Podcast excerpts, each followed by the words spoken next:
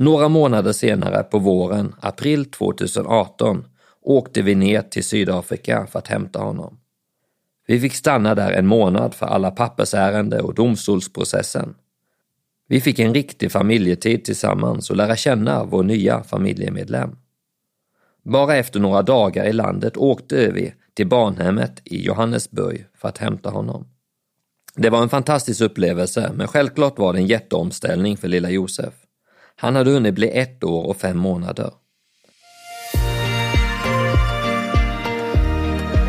Det här är Wow Community Podcast. Alla har en story med pastor Emanuel Setson.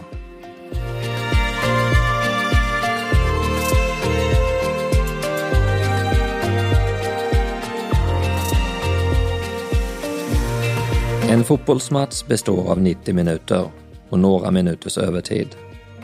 Jag har precis haft halvlek och nu börjar andra halvlek, minut 46.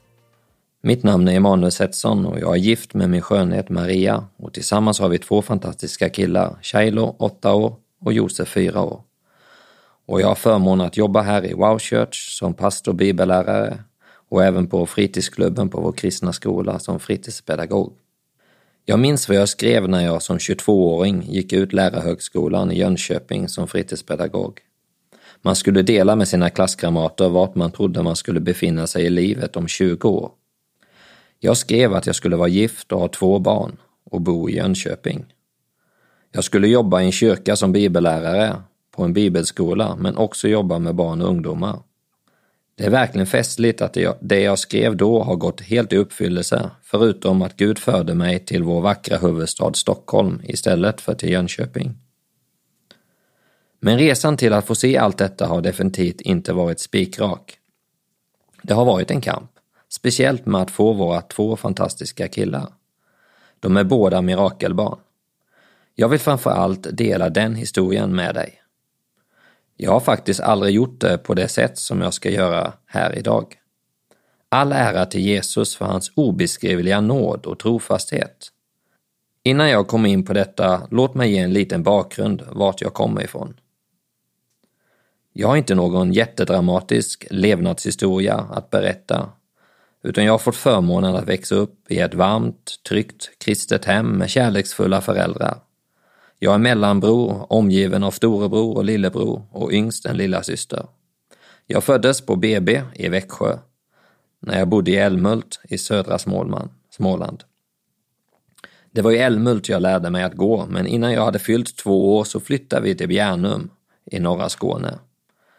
Min pappa är pastor, så det var därför vi har flyttat några gånger när Herren har kallat honom vidare. Apropå vart jag kommer ifrån så är halva syskonskaran inklusive mamma födda i Skåne och jag och min storebror inklusive pappa födda i Småland. Så för oss som små så var det Skåne och Småland som var världen. Jag minns att jag och min lillebror lekte på en lekplats när vi var på semester med familjen. Och vi lekte med en kille och min lillebror frågade honom om han kom från Skåne eller från Småland. Men till vår stora förvåning så var han varken från Skåne eller Småland, han var från Norge. Jag har haft den kristna tron, Bibeln och gudstjänster som min modersmjölk. Det har alltid fascinerat mig, speciellt Bibelns berättelser. Men jag har en frälsningsupplevelse, som man kallar det i kyrkans värld. Jag bad en frälsningsbön som med min mamma, kanske som en 6-7-åring, och tog emot Jesus, när vi satt och läste barnens bibel som kvällsandakt. Jag minns exakt var vi satt, på golvet i vårt sovrum med garderoben som ryggstöd. Att som nioåring flytta från lilla Bjärnum på 3000 invånare till Falköping på 15 000 invånare var en viss omställning. Vi pojkar var fascinerade av att den stora staden hade flera trafikljus, vilket inte hade funnits i Bjärnum. Våra klasskamrater var däremot fascinerade av vår annorlunda skånska dialekt. En av min brors, lillebrors klasskamrater hade kommit hem till sin mamma och uttryckt att den nya killen var bra på svenska, att han till stora del förstod honom. Mamma försökte förklara att han var svensk, för killen trodde att vår familj var från Danmark. Mina klasskamrater trodde förresten att jag hette Mangel, när jag först presenterade mig att jag hette Emanuel. Hur de nu kunde få det till det. I Falköping blev jag kvar ända tills jag fyllde 22 år. Jag följde inte med när flyttlastet med mina föräldrar och småsyskon gick tillbaka till Skåne och Lund. Jag slutförde mina studier på Lärarhögskolan i Jönköping och gjorde sedan lumpen som flygplatsbrandman i Visby. Jag har som sagt var växt upp i en trygg miljö och med familj och släkt där den kristna tron har varit en naturlighet. Det är verkligen en välsignelse. Jag kan bara tacka Gud för hans nåd, främst för mina föräldrar och syskon som alltid har funnits där. Jag minns när en profet från Estland kom och besökte vår pingstkyrka i Falköping. Han hade en stark profetisk gåva att tala in i människors liv. Många kompisar fick, fick klockrena tilltal vart de befann sig och vart de var på väg. Jag fick ingen spektakulärt dramatisk profetia uttalat över mig, utan det enda han sa, att han såg över mitt liv, var att jag hade en mamma som bad för mig. Som tonåring kanske man hade velat höra något annat, kanske mer dramatiskt, men jag skulle aldrig varit där jag är idag om det inte var för dessa och andras böner. Tack mamma och pappa, jag älskar er. Även om jag haft en härlig uppväxt fyllt med ljusa minnen så fanns det under ytan en oro och fruktan som fyllde mig sedan mellanstadieåldern. Det kunde vara för alla möjliga saker. Jag vet inte varför, men jag har alltid varit en känslig person på insidan. Jag var verkligen rädd för att dö och inte komma till himlen. Ofta var det på kvällarna som det var det här tog vid när man skulle gå och lägga sig. Jag grät mig ofta till söms. Min mamma fanns till hands och tröstade mig och min pappa gav mig Guds ord och jag minns papperslapparna med bibelord som han gav mig att bekänna ut istället för att bekänna ut mina känslor. Det här byggde verkligen in något i mig för framtiden. I övre tonåren så kom verkligen en besökelsetid över ungdomsgruppen i vår kyrka.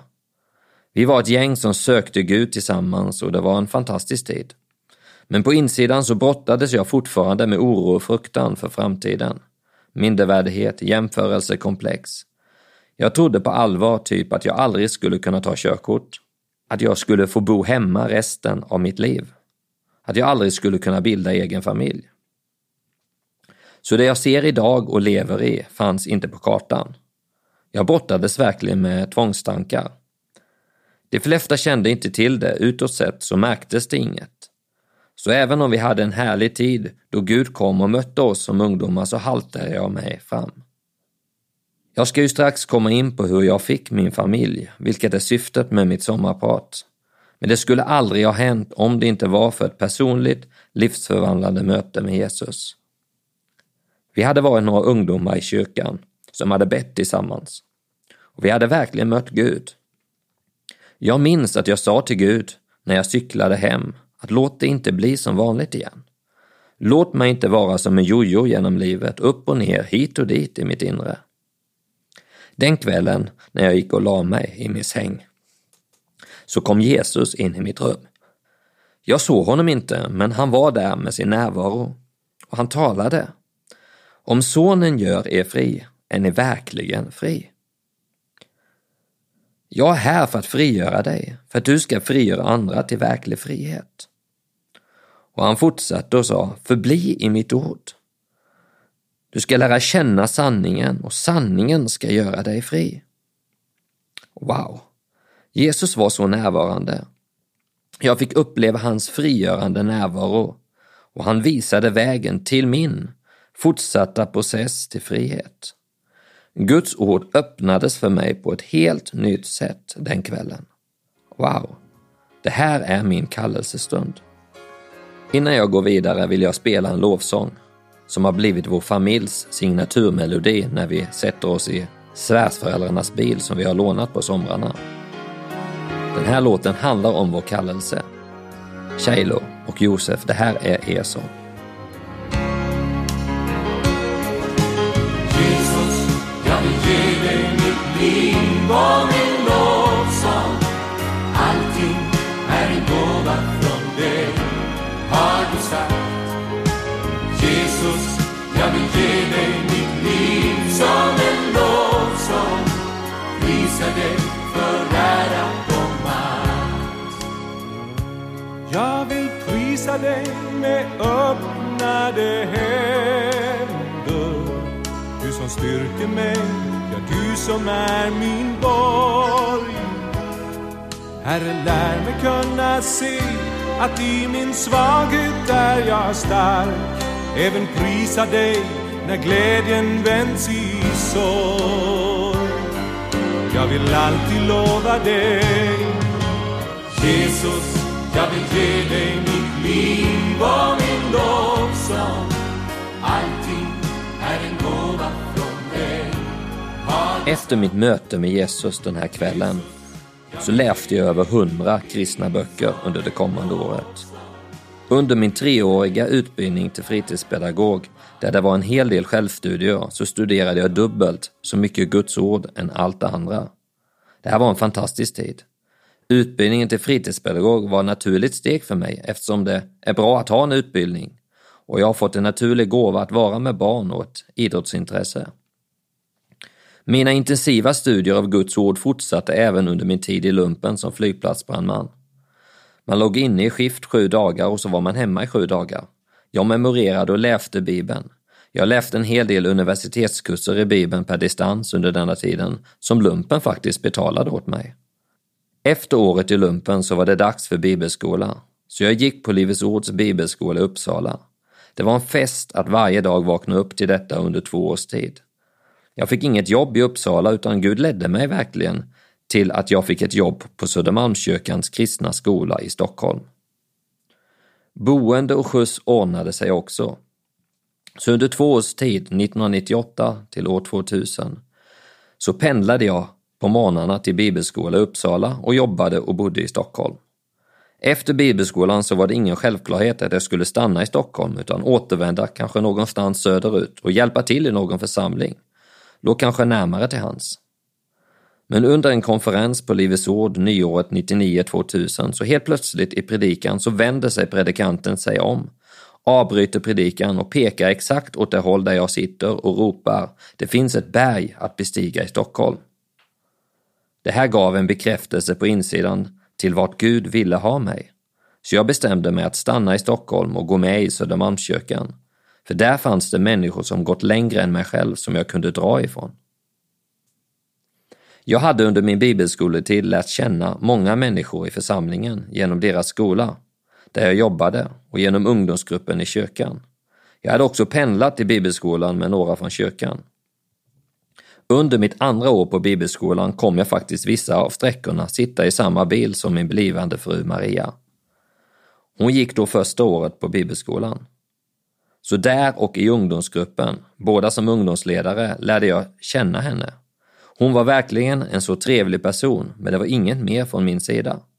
Jag var blind på det området och också så upptagen under åren efter bibelskolan att studera och skriva ner utifrån olika bibelämnen. Jag minns att jag vid ett tillfälle skulle skjutsa vår ungdomspastor och hans fru till Arlanda. På resan dit frågade de om det inte var någon i kyrkan som jag var intresserad av. Det här var ett område som jag aldrig hade pratat djupare med någon om. Men man kunde inte bara försvinna iväg. Så medvetet eller omedvetet så slank det ur mig att jag tyckte att det fanns många trevliga damer i kyrkan som gick med Gud. Så det fanns många som jag kunde gifta mig med. Med det svaret så kom det inga följdfrågor. De förstod att det inte var dags. Men jag behövde väckas på det här området och den dagen skulle komma. Maria, min frus resa, är av ett annat slag. Hon väntade faktiskt i sju år på att jag skulle komma ut ur min bubbla. Hon hade fått klart för sig att det var mig hon skulle ha på ett tidigt stadium. Så hennes långa väntan har såklart emellanåt varit en tärande kamp. Men det ska sägas att hon under den här tiden inte var påflugen. Det var inte som så att hon kom fram och tydligt deklarerade sitt intresse. Jag vet inte om jag hade kunnat väckas av det. Jag hade kanske flytt istället. Så hon kände sig nog på det, vad för sorts personlighet jag var. Jag är så tacksam till Maria att hon orkade vänta. Gud behövde verk verkligen väcka mig från min bubbla. Jag behövde en spark i baken. Jag kommer ihåg en kväll då jag sitter i min fåtölj och läser Bibeln och är bedjande.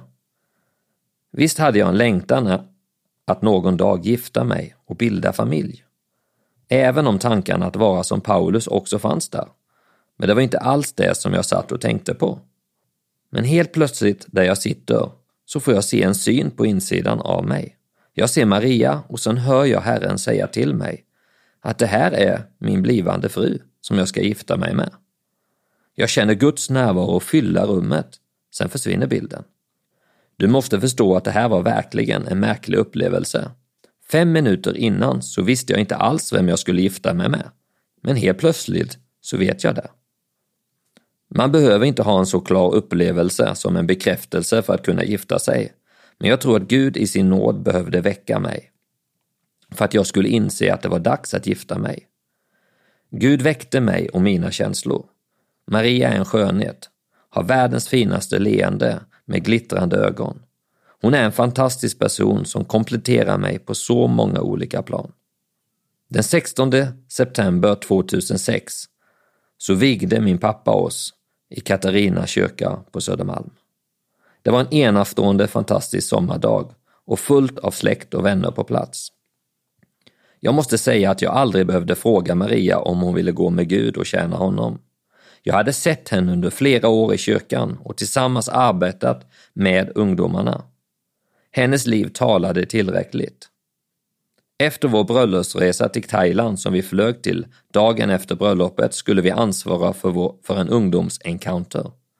Så jag minns att jag faktiskt hade två lappar i fickan när jag gick fram till altargången som jag sen efteråt överlämnade till två av ungdomsledarna som hade varit bortresta så att de skulle veta vilka tider som vi skulle ha vägledarsamlingar inför encountern.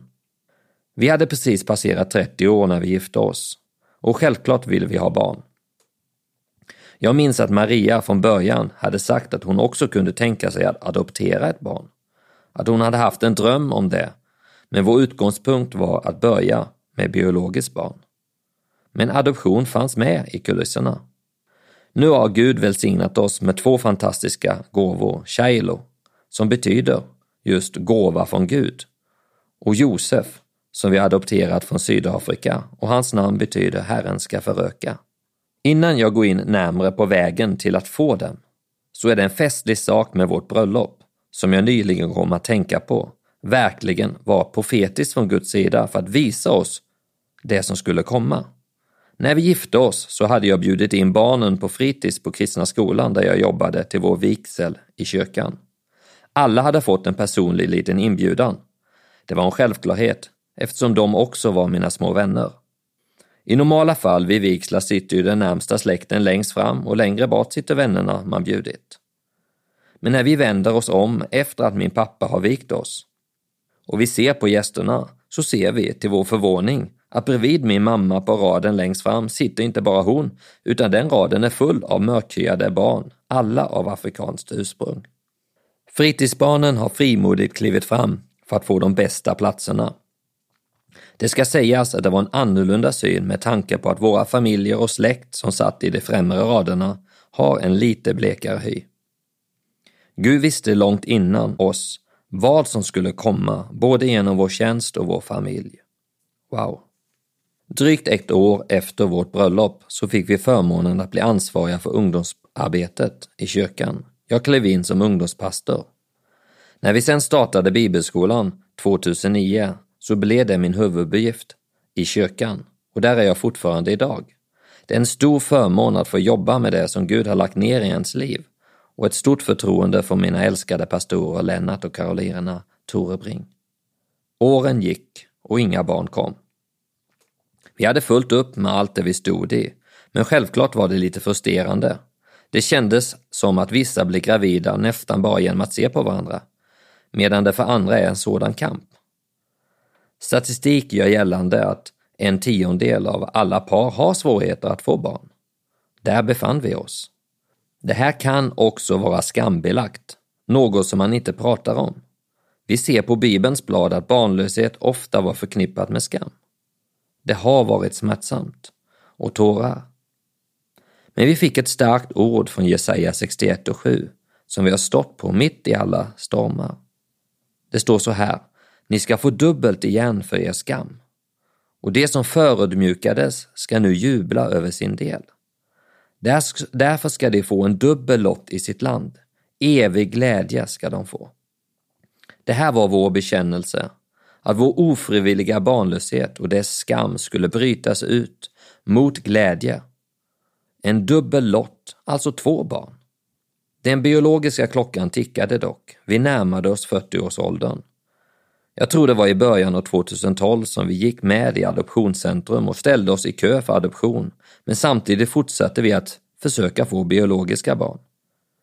Vi hade satt igång en process av EVF-behandling, men chanserna som gavs åt oss var inte stora. Under våren 2012 inledde jag på nytt en längre fasteperiod.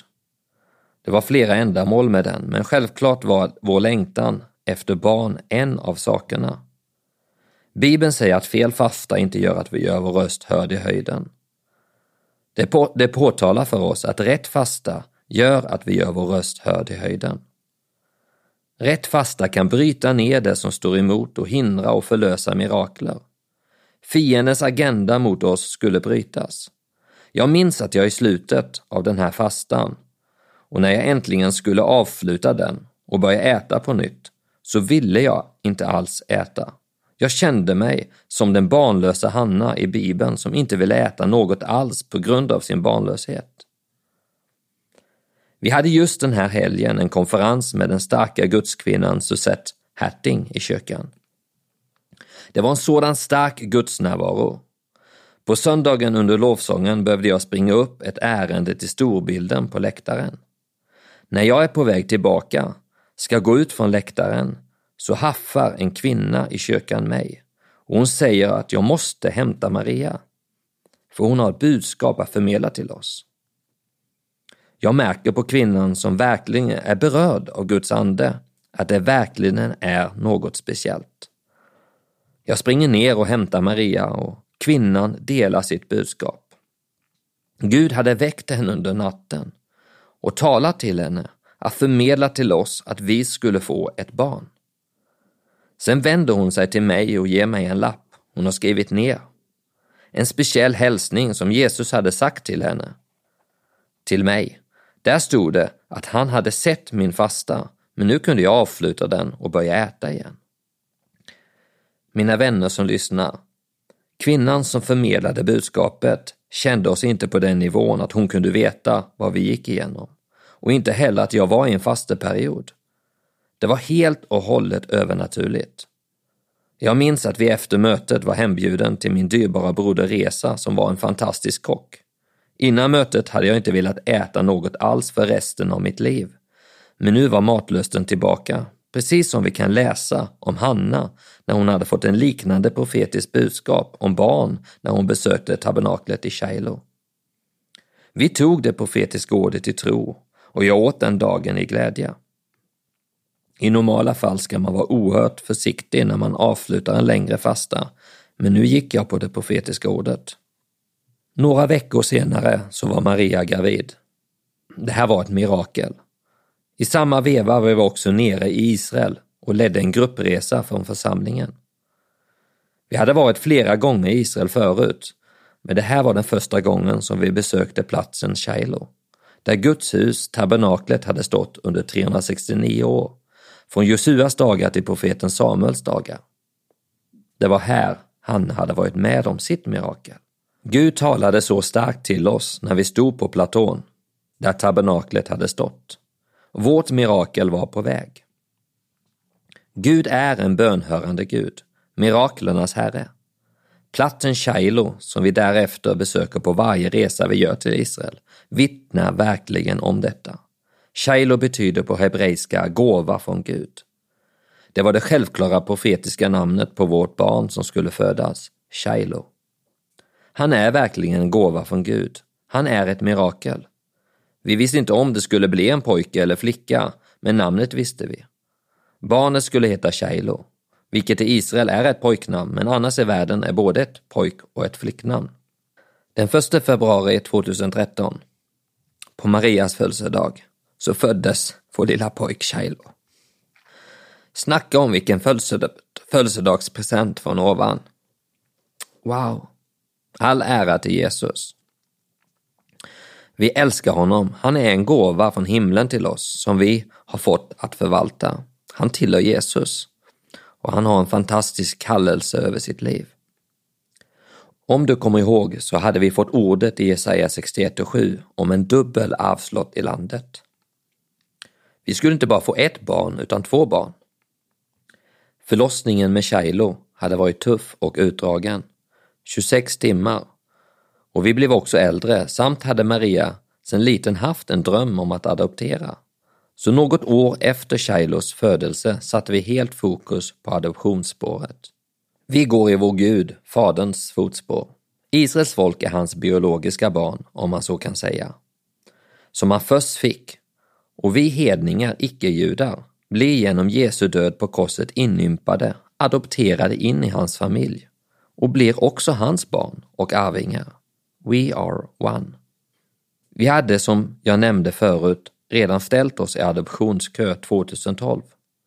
Men nu fick vi beskedet att eftersom vi hade ett biologiskt barn, att det måste vara minst två år mellan det barnet och det barn som man adopterar och att det biologiska barnet skulle vara den äldre. Så vi väntade till 2016 innan vi inledde processen.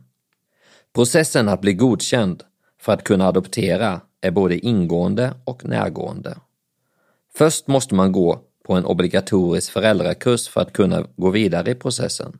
Den var verkligen bra. Så att alla som adopterar verkligen vet vad man ger sig in i.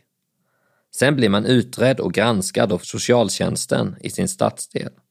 De gör hembesök, man intervjuas, vi fick i ett långt brev beskriva ingående våra liv och gå igenom allt vad vi gått igenom. Någon släkting och någon vän behöver också skriva ett omdöme om oss. Sen tas allt detta upp i tingsrätten för att man ska få ett domslut. Tänk om alla föräldrar som får barn utreds, skulle utredas på det här sättet. Vi åkte under denna process i februari 2017 ner till Israel för en familjeresa. Gud talade på nytt profetiskt till oss. När vi landade i Israel tog vi hyrbilen och åkte till Terebintdalen. Det är platsen där David slog Goliat. Och vi åkte på en grusväg ner i dalen och parkerade på åkern. Jag och Shiloh sprang ner till bäcken som på grund av årstiden inte var torrlagd som den brukar vara sommartid. Vi hittade fem släta stenar, precis som David gjorde innan han gick mot jätten Goliat. Maria gick på andra sidan om bäcken för att fotografera. Hon ropade exalterat på oss att komma efter. När vi kom över på andra sidan om bäcken och buskarna så ser vi att hela fältet är fullt av blommande vita mandelträd.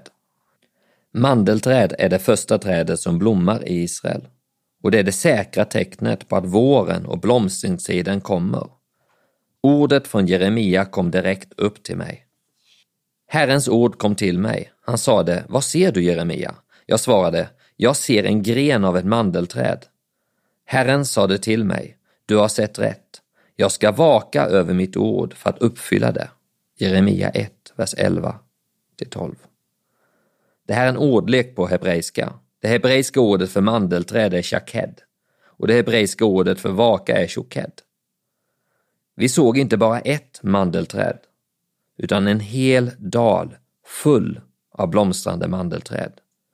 Gud skulle sannerligen vaka över sitt ord, löfte till oss om den dubbla arvslotten som vi hade fått utifrån Jesaja 61 och 7, om ett barn till. Vilken bekräftelse och uppmuntran från himmelen till oss. Sista dagen på vår resa, innan vi ska flyga tillbaka till Sverige, är vi i Jerusalem och då besöker vi ett bönecenter. Och när man ska lämna det så ligger en stor familjebibel på fönsterkarmen och den har just uppslaget Jeremia kapitel 1 och vers 12. Så vi inleder resan och avslutar resan med detta ord. Herren vakar verkligen över sitt ord för att uppfylla det. Och det kommer du verkligen att förstå när jag nu delar vidare. Herren är verkligen vår waymaker, promise keeper.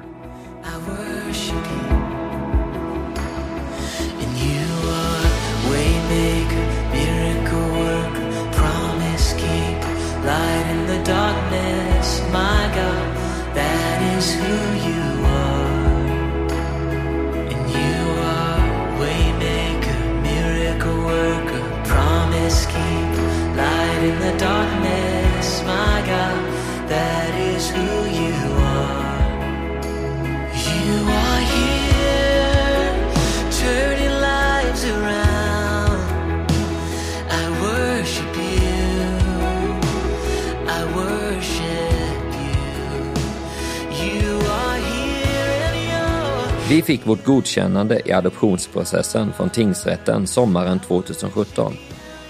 Efter detta hade vi tillåtelse att skicka vidare vår ansökan om adoption till ett specifikt land.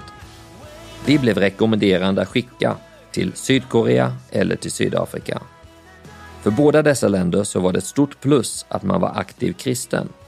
Och då kunde vår nackdel, att vi var lite äldre för bibelses, lättare. För att kunna ha möjlighet att adoptera ett barn som var under två år som vi hade ansökt om. Vårt val blev Sydafrika.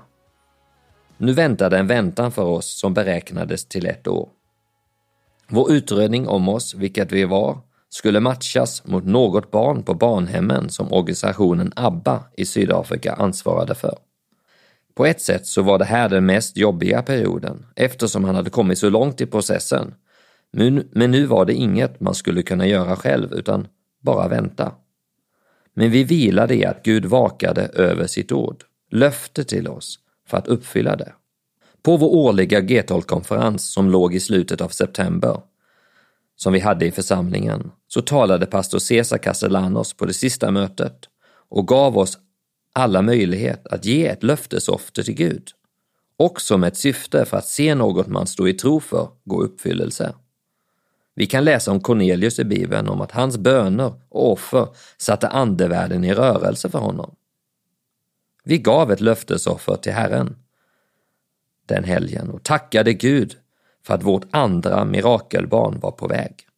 Jag minns att pastor Caesar efter offret profetiskt talade ut att om tre månader så kommer du, kommer du se något ske.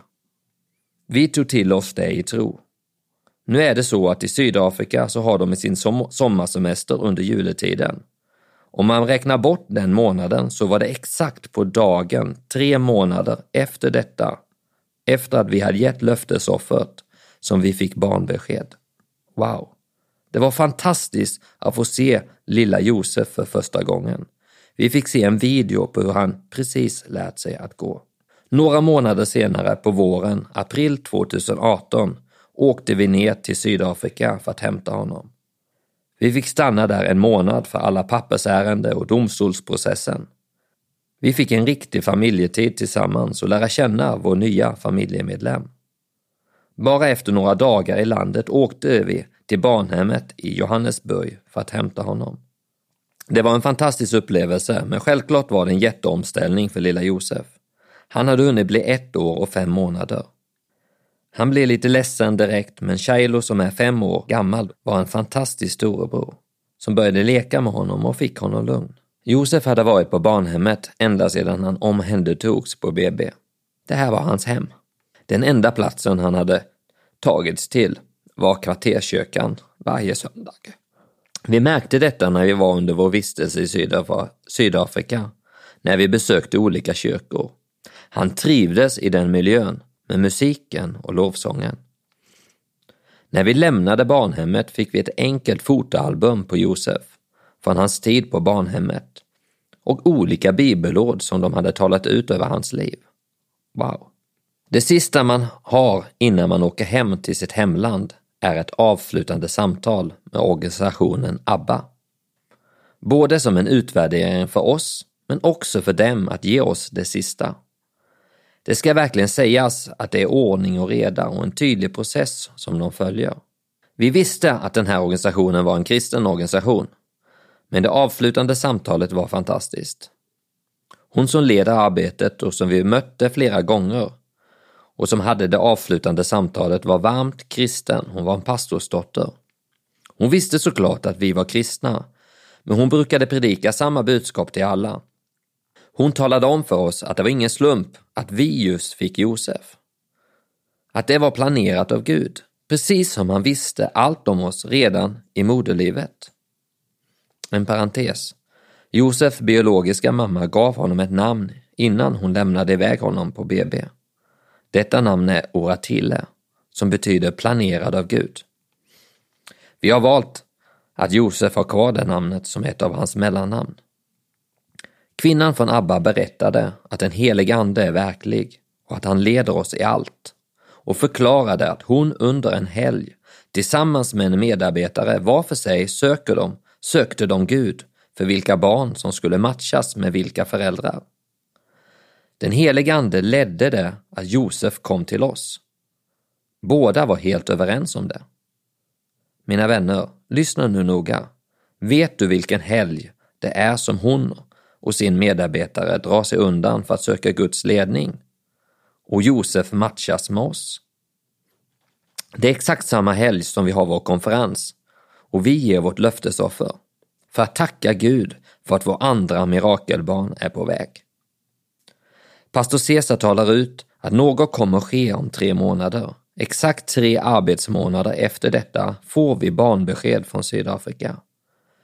Gud har verkligen sin hand över detta.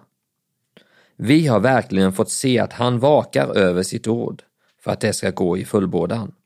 Marias dröm att adoptera och den bild vi har när vi vänder oss om i kyrkan, när vi vikt oss och ser att min familjs rad längst fram bredvid min mamma sitter det fullt av frimodiga, mörkhyade barn härstammade från Afrika. Josef är vår frimodiga lilla kille som vågar ta plats. Och han har en fantastisk kallelse över sitt liv eftersom han är planerad av Gud.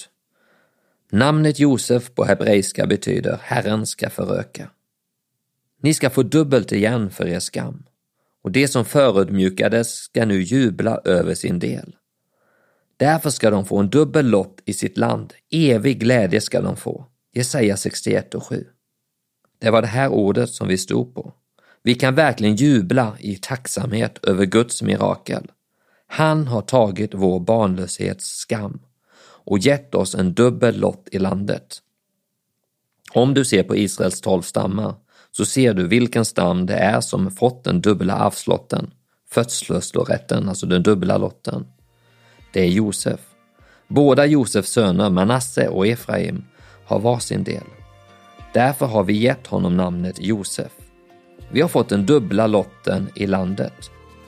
När Rakel föder Josef så säger hon Gud har tagit bort min skam.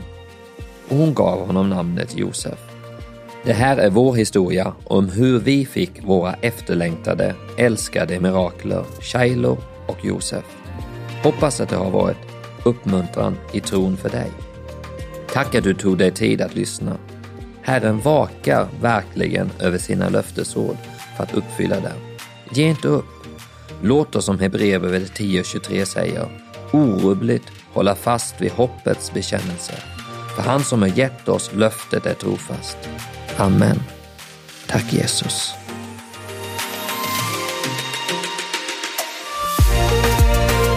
Tack för att du lyssnade.